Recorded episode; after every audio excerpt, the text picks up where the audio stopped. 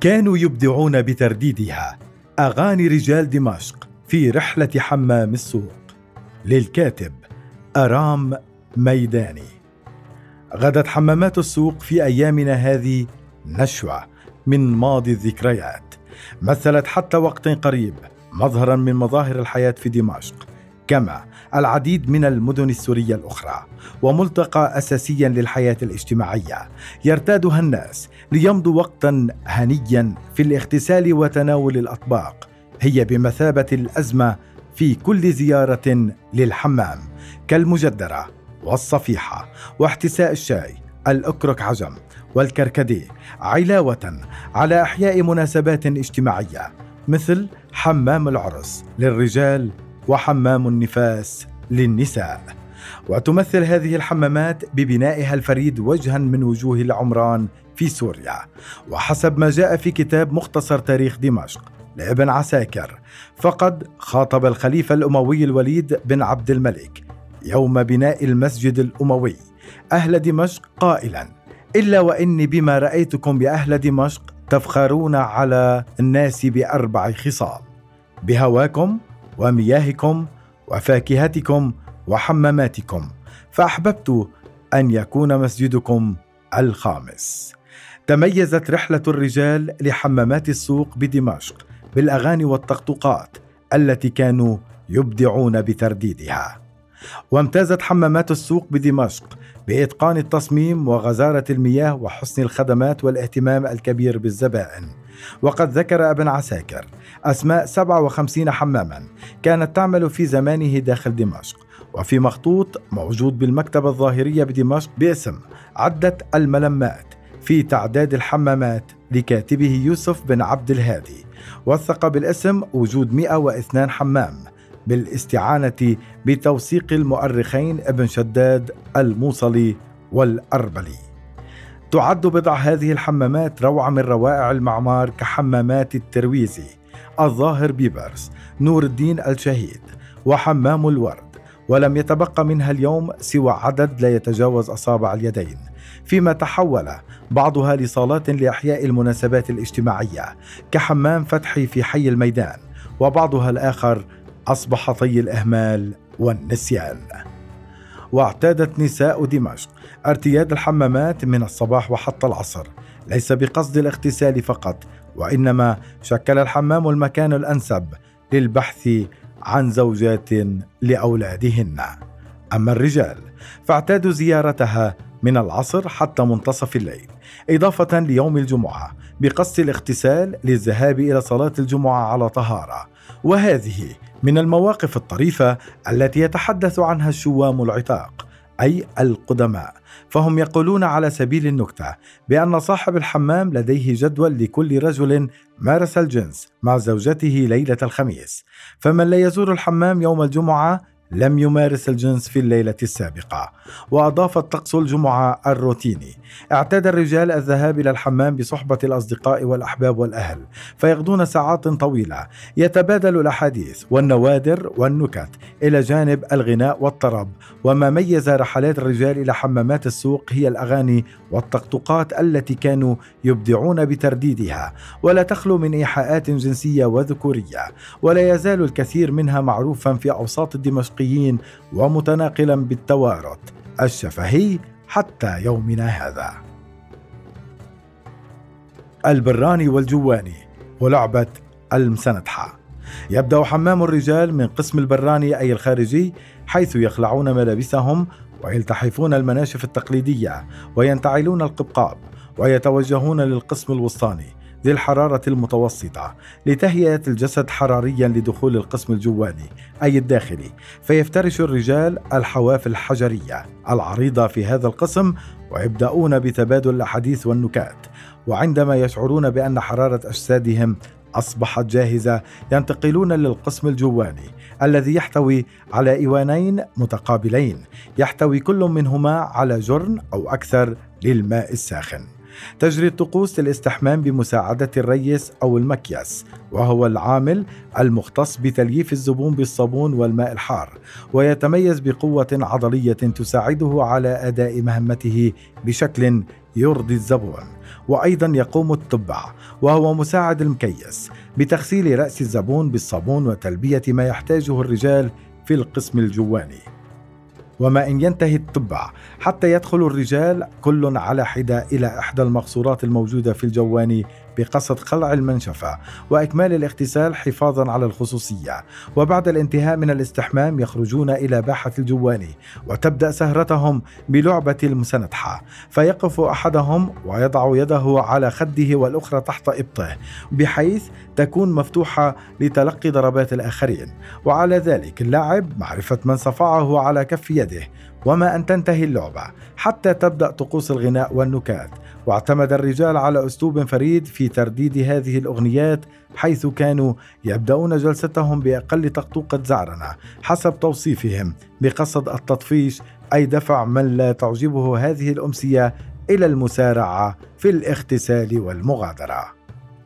أغاني تمهيدية ينتصب المؤدي ويحمل بيده ليفة الاغتسال وعلى يمينه ويساره شابان يحملون طاسة الحمام كأداة موسيقية ويبدأ بالغناء.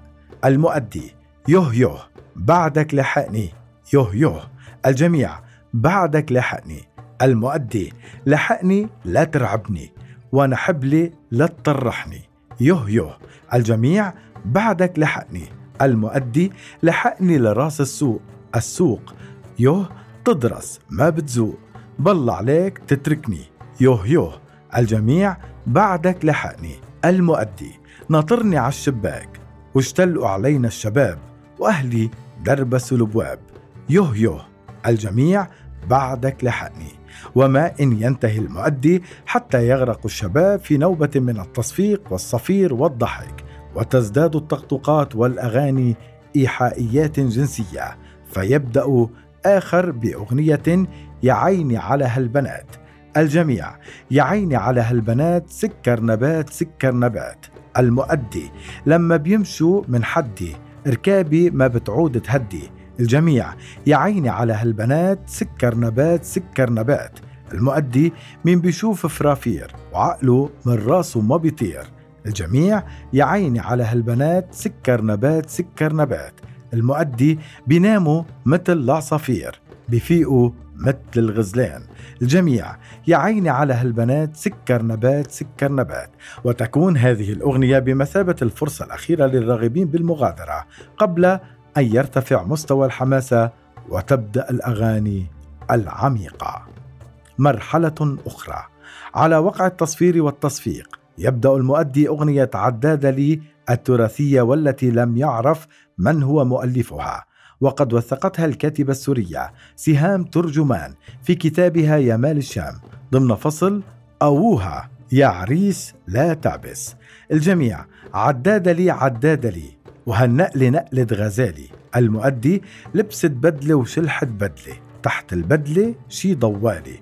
الجميع عداد لي عداد لي. وهالنقل نقلة غزالي المؤدي لبست شلحة وشلحت شلحة وتحت الشلحة شي مخبى لي. الجميع عداد لي عداد لي وهالنقل نقلة غزالي. المؤدي لبست لولو وشلحت لولو تحت اللولو شي نادالي الجميع عداد لي عداد لي وهالنقل نقلة غزالي. وحالما ينتهي المؤدي ينتصب آخر لغناء درة السهرة. طقطوقة يا ريتني خلقان برغوت. للمونولوجيست السوري سلام الأغواني وقد وثقها الباحث منير كيال في كتابه في العرس الشامي. يا ريتني خلقان برغوت ولوني أبيض مثل الشحم. وين ما بدي كنت بفوت وبغلغل بين اللحم. شو أعمل لكون برغوت؟ وين ما بدي كنت بفوت. كنت بشمشم وين ما كان وخصوصي تحت البطاط. ولما بعلق بالرمان دغري برخي الفرامات ولما بمشي ما بوقف غير بأعظم المحطات. شو أعمل لكون برغوت؟ وين ما بدي كنت بفوت. كنت بلاعب هالستات وما بترك وحدة تفلص.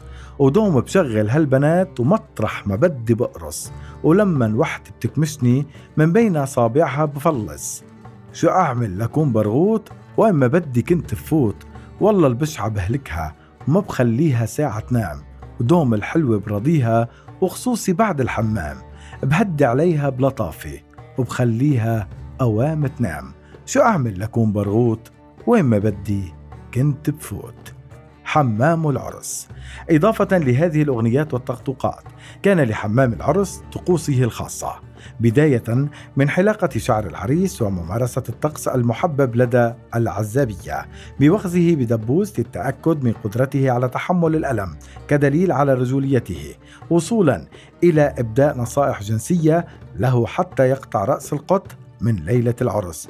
وكل هذا يجري أثناء الاستحمام في الجواني وما إن تنتهي حفلة النصائح الجنسية. حتى يبدأ البعض بترديد الطقطقات المحفزة للعريس كطقطوقة يا ست ويا بنت ويا مليحة هادويني. يا ست ويا بنت قيمي هالغطا ورميه يحرق يلي حيكو ويلي سعالك فيه. الوش دورة قمر والورد فتح فيه. والصدر فسحة ميدان لأب العم يلعب فيه. يا مليحة هادويني.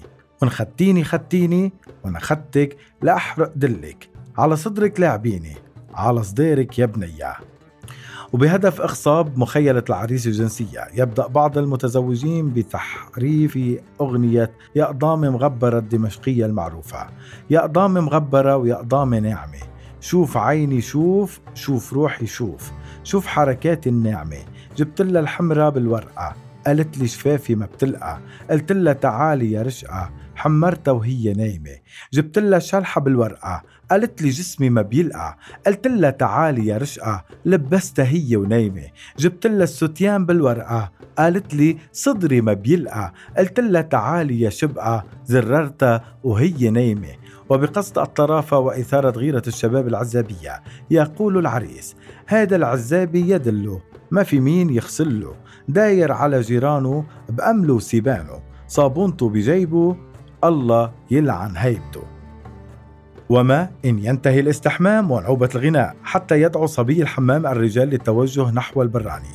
وما إن ينتهي الاستحمام ونوبة الغناء حتى يدعو صبي الحمام الرجال للتوجه نحو البراني حيث تبدأ مراسم تلبسة العريس من قبل إخوته وأصدقائه وتضميخه بالعطور وفتل شاربيه بملقط محمى على النار بعد دهنهما بمادة الزباد.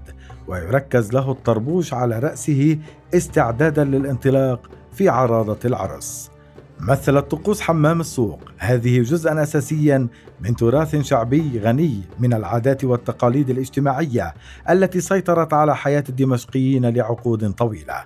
ولا زال الكثير ممن عايشوها يتحدثون عنها بنوع من الحنين أما اليوم فتراجع دور هذه الحمامات نتيجة الحداثة وتغيير نمط الحياة وتوفر المياه والحمامات داخل المنازل.